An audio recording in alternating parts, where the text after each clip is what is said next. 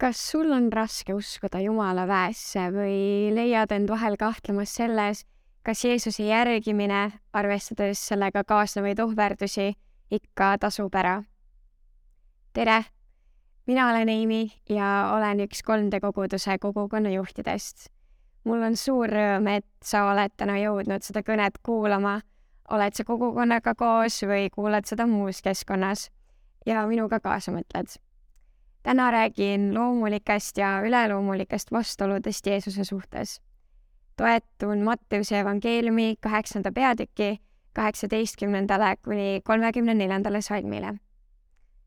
enne tänast oleme kuulanud evangelist Matteuse kirjutatud evangeeliumi alguse kohta, mõelnud mäejutlusest ning saanud aru, et Jeesuse tegevus oli väga selge eesmärgiga ning üleloomulikud teod pole talle võõrad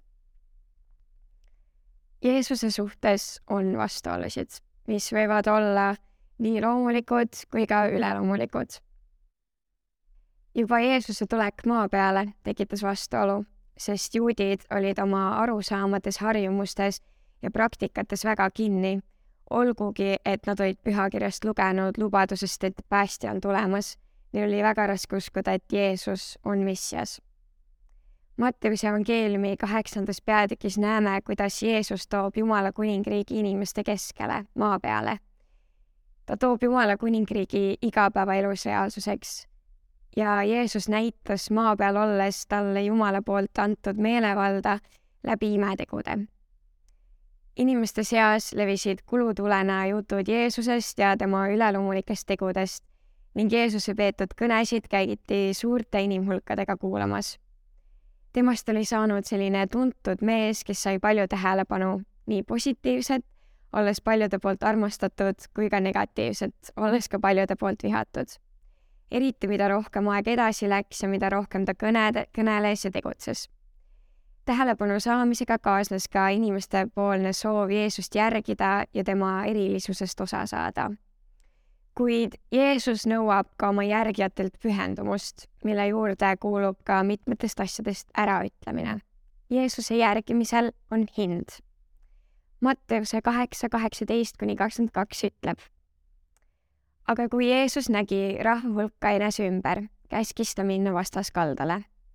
ja üks kirjatundja ütles tema juurde astudes, õpetaja, ma tahan sulle järgneda, kuhu sa ka iganes läheksid. ja Jeesus vastas talle rebastel on urud ja taevalindudel pesad, aga inimese pojal ei ole, kuhu ta oma pea võiks panna. üks teine tema jüngritest ütles talle, issand, luba mul enne minna oma matma oma isa. aga Jeesus vastas talle, järgne mulle ja lase surnul oma surnud matta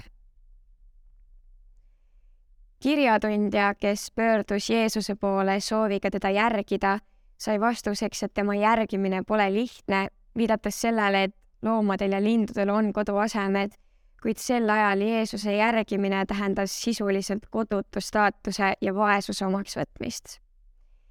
Jeesus rändas mööda asulaid ja temaga kaasaskäijad ohverdasid temaga koos olemiseks näiteks oma töökohad ja kodud. miks nad seda tegid? Kui üks Jeesuse jüngritest temalt luba palub enne tema ja teistega vastaskaldale minemist minna ja oma isa matta, vastab Jeesus, et lase surnutel matta surnud ning ütleb jüngritele, et ta järgneks talle. teisisõnu, Jeesus ütles üsna teravalt, et ära too vabandusi, tule järgi mind. näeme vastust. moised praktikad on Jeesuse järgimise kõrval vähem tähtsad ehk kutse oli karm ja otsekohene ning Jeesus ei püüdnud varjata, et jüngril tuleb teha raske otsus ja mingitest asjadest tuleb seejuures ära öelda. eelneva pealt näeme, et kõik vastuolud Jeesuse suhtes ei ole üleloomulikud. esineb ka seda, et seisame millegi seesuguse ees, mis nõuab meilt nii-öelda vastuvoolujumist kui ma käisin keskkoolis, tuli nagu arvata oligi, et, et ümberringi hakkasid toimuma peod. ja minu sõprusseltskond kuulus ka selle kultuuri sisse. ja peod polnud enam sellised, et mindi Sky parki batuutidele mängima, vaid peod olid pigem üsna tõsised joomakad, kus lõpetati vetsupoti kohal. olgugi, et mulle need otseselt kiusatuseks polnud, sest tean juttudest natuke liiga hästi sealset pigem vastikut reaalsust, siis polnud pidudest loobumi-, loobumisega kaasnev siiski lihtne inimeste vahel hakkasid tekkima uued sõprused ja kooli minnes kõlasid uue nädala alguses tihtipeale siseringi naljad ja räägiti igasuguseid lugusid. kui alguses olin mingitele pidudele või koosviibimistele kutsutud, siis ühel hetkel tõmbusid mu klassikaaslastest sõbrad minust eemale ja lisaks joomakatele hakkasid ka niisama ilma minuta aega veetma koolis olles tundsin end tihti üsna kurvalt ja nähes, kuidas mu sõbrad käitusid, tuli mul vahel lausa nutt peale. olgugi, et see aeg oli valus ning minuni jõudis mõnikord ka mõte, et mida ma neile teinud olen, et seda väärida või miks see raskus praegu vajalik on, siis teadsin sisimas, et see on vägagi seotud minu väärtushinnangutega ja valikutega, miks ma nende sekka ideaalselt ei sulandunud sel hetkel olin valiku ees, kas proovida enda moraali ja südametunnistuse ja tegelikult ka oma tahte vastaselt käituda ning vooluga kaasa minna või selle vastu ujuda, järgnedes Jeesusele. Nii nagu uuel ägedal iPhone'il ja mõnusal puhkusreisil on hind, oli ja on ka Jeesuse järgimisel. vaatame edasi Jeesus näitas maa peal olles inimestele oma jõu suurust ja oma väeulatust läbi tegude. taolisi imetegusid polnud keegi varem näinud. mõnes olukorras on Jumala väesse uskumine raskem kui teistes ning on tegusid, mis nõuavad meilt palju usku.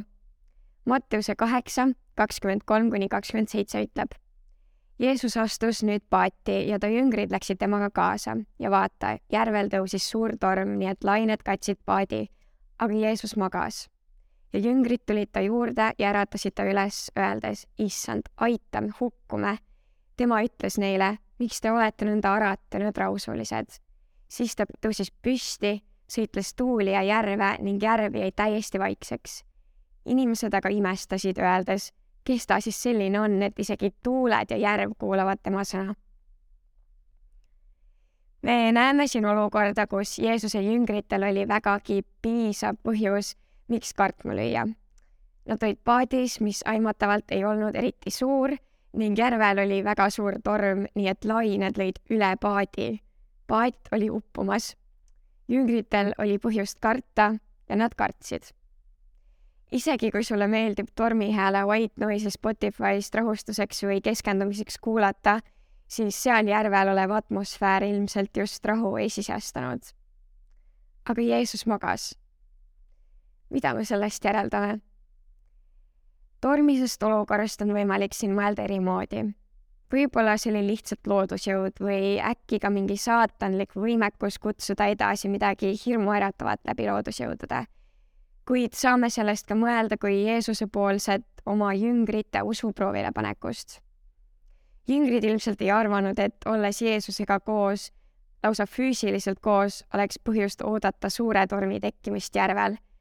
ja nähes hirmsat tormi, võisid nad mõelda, et Jeesus käitub magades ükskõikselt. Selles olukorras nõudis jüngritelt julget usku usaldada, et Jeesus ei ole neid unustanud ning et tegelikult on olukord kontrolli all ja Jumala kätes. Nad pöördusid Jeesuse, oma juhi ja oma õpetaja poole mures ja ilmselt ka paanikas, küsides talt abi. siis ärgatas üles, sõitles Jeesus tormi ning järv jäi täiesti vaikseks. Olles reaalses tormis, näitas Jeesus enda täielikku sisemist rahu ning usaldust Jumalasse sellega välja, et ta tormi keskel uinus aga magamise eesmärk polnud oma jüngreid kiusata, vaid Jeesus oli ilmselt väga väsinud oma pikkadest retkedest ning puhkas. samas sai siin ka näha, kuidas jüngrid proovile panevas olukorras käituvad ning mis nende reaktsioon on. kas kahelda Jumala võimetes ja väes või ka tormi sees olles uskuda julgelt ning mitte kõhelda. nähes, et jüngrid kartsid ja arvasid, et nad hukkuvad, ütles Jeesus neile miks te olete nõnda arad ja nõdrausulised? küsides seda, polnud Jeesus vihane ja meeleheitel, vaid siira mure ja armastusega küsis oma jüngritelt, kes tegelikult tundsid ju Jeesust kõige paremini, miks nad on arad ja nõdrausulised, mitte ei usu rahumeeli. Mõtleme korraks näiteks vee peal kõndimise loole, millest oled ilmselt ka kuulnud. Jeesus kõndis tormise vee peal Peetrus nägi seda ja ütles imestades Jeesusele, et ta tahab ka kõndida vee peal. Jeesus ütles, tule. Peetrus kõndiski vee peal, aga kui ta vaatas Jeesuse asemel tormist vett, hakkas ta uppuma. siin loos Jeesus kõndis vee peal. meie tänases loos Jeesus magas keset tormi. Igal juhul oli tal täielik rahu ja ta tahtis, et ta jüngrid usaldaksid ja kõnniksid usus, mitte hirmus ka jüngrid, kes olid reaalselt Jeesusega koos, kahtlesid Jumalas, Jeesuses. me ei pea end kahtluste keskel olles kahtlemise pärast süüdi tundma, aga võiksime eeskujuks võtta seda, mida me piiblis näeme ning pürgida tõeliselt julge usu poole. Jeesus teadis paati astudes, et ta ei upu, sest isegi kui saatan üritab paati põhja saada, Jeesus toetub Jumala plaanile ja ei karda ta kutsub ka meid mitte olema nõdrausulised, vaid toetama Jumalale ka siis, kui on torm ja kui on tuul, ka siis, kui me ei tea ja kui meil ei ole vastuseid, mis mingist olukorrast tulla võib. sõideldes tormis ja tuule ja järvega näitab Jeesus ka enda sees olevat väge ja talle kuuluvat meelevalda, mis on suurem, kui inimlikult hoomame ja see on ka jüngrites ahetust tekitab. Jumala vägi on suurem kui loodusjõud Mattiuse kaheksa, kakskümmend kuus kuni kolmkümmend neli ütleb. ja kui Jeesus jõudis vastaskaldale Kadaralaste maale, juhtus talle vastu kaks hauakambrist tulnud kurjast vaimust vaevatut, kes olid hirmsad ja väga ohtlikud ja et keegi ei saanud käia seda teed. ja vaata, need karjusid. mis on meil sinuga asja, sa Jumala poeg, kas sa oled tulnud meid enne aegu piinama? aga tükk maad neist eemal oli suur seakari söömas. kurjad vaimud palusid siis teda kui sa meid välja ajad, siis läkita meid seakarja sisse. ja ta ütles neile, minge. siis nad tulid välja ja läksid sigade sisse. ja vaata, kogu kari sööstis järsakult järve ja uppus. karjased aga põgenesid ja läksid linna ja kuulutasid kõike ning kurjast vaimust vaevatute lugu. vaata, kogu linn tuli välja Jeesusele vastu ja teda nähes nad palusid, et ta lahkuks nende paikkonnast. mida sellest loost järeldada saame? võin vihjeks öelda, et selle kirjakoha point ei ole näidata, et Jeesus vihkab sigu. on välja toodud, et need kaks kurjast vaimust vaevatud meest olid nii ohtlikud, et keegi ei saanud nende teed käia ning nad olid väga kardetud. kurjadest vaimudest vaevatud olid ühiskonna heidikud ja rahvas teadis, et nendest peab eemale hoidma.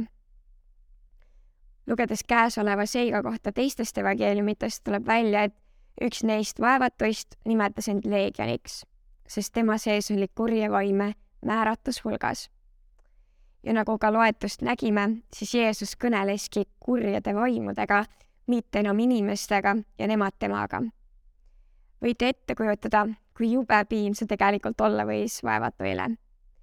Nad olid täiesti üle võetud kurjusest, aga Jeesus, kõneledes minge, ajas selle ühe sõnaga kurjad vaimud välja ning saatis nad sigade sisse.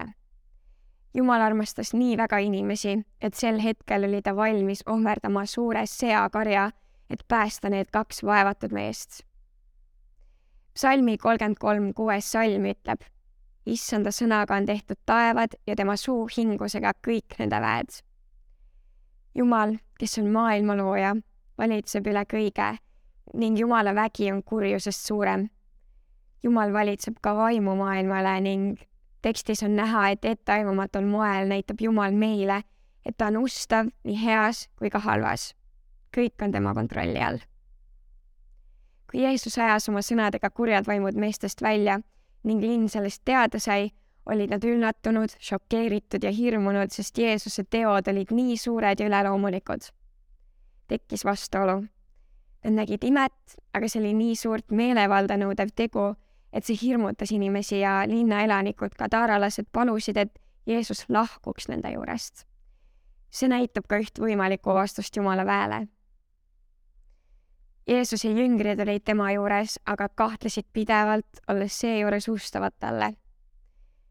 Kui mõelda veel kord tormises paadis olevatele jüngritele ning sellele, mida nad olid juba enne seda olukorda koos Jeesusega kogenud ja näinud, siis võib öelda, et neil oli väga palju põhjuseid, miks mitte kahelda tema väes ja uskuda. aga nad kahtlesid. Nad kartsid samas on huvitav mõelda ka sellele, et jüngritel ei olnud täit pilti, nii nagu meil täna on.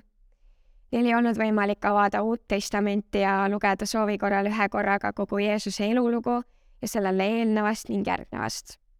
Nad ootasid, teadmata täpselt, mis tulemas on.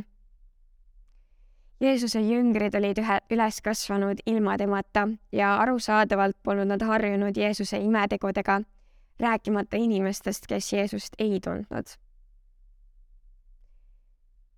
see suure meelevallaga kõike teadev ja maailmalooja Jumal tunneb sind ja mind nimepidi. ta on meid kõiki loonud ning meile lubanud, et kui me teda järgime, on meil igavene elu tema juures. nii mul kui ka sul on ilmselt nii, et igapäevaelu probleemide keskel ja suuremates raskustes kipub, kipub tekkima küsimus, miks. ja kui meil sellele küsimusele vastust ei ole, on väga raske olla ja lohutust leida. Samas kristlastena teame, et Jumala kontrolli alt ei ole lõpuks mitte midagi väljas. kuid kas see tähendab alati, et meil on kergem toime tulla, kui me teadlikult midagi ei tee, et hoida kinni Jumalast ja tema lubadustest? ma arvan, et usku on võimalik kasvatada ja nii-öelda harjutada ning tõelistes raskustes, pidades kinni Jumalast ja tema sõnast, on võimalik Jumalat nii erilisel ja uuel moel tundma õppida.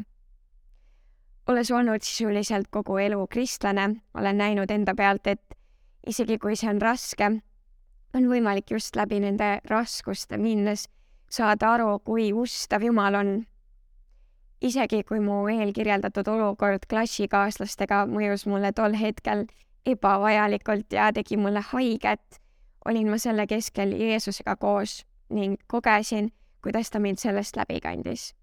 Julgen tõesti öelda, et see olukord kasvatas, kinnitas ja muutis mu usu kas või natuke julgemaks. üks mu lemmikumaid kirjakohti on psalm kakskümmend kolm. loen selle osaliselt ette issand on mu karjane, mul pole millestki puudust. haljale asale paneb ta mind lebama, hingamisveele saadab ta mind. tema kosutab mu hinge, ta juhib mind õiguse rööbastesse oma nime pärast. Ka kui ma kõnniksin pimedas orus, ei karda ma kurja, sest sina oled minuga.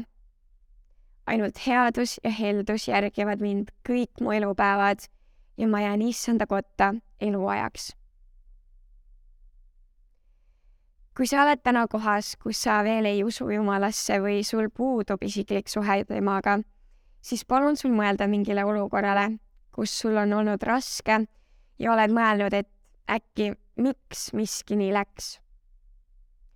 mis sinu reaktsioon taolises olukorras on ja kas oled võib-olla mõelnud, et nii hea oleks, kui sul oleks sel hetkel midagi konstantset, midagi, millele kindel olla kutsun sind järgnevate küsimuste kaudu kaasa mõtlema ja tunnetama, kas äkki Jumala pakutu on sulle vastuseks ja pakubki täpselt seda, millest oled puudust tundnud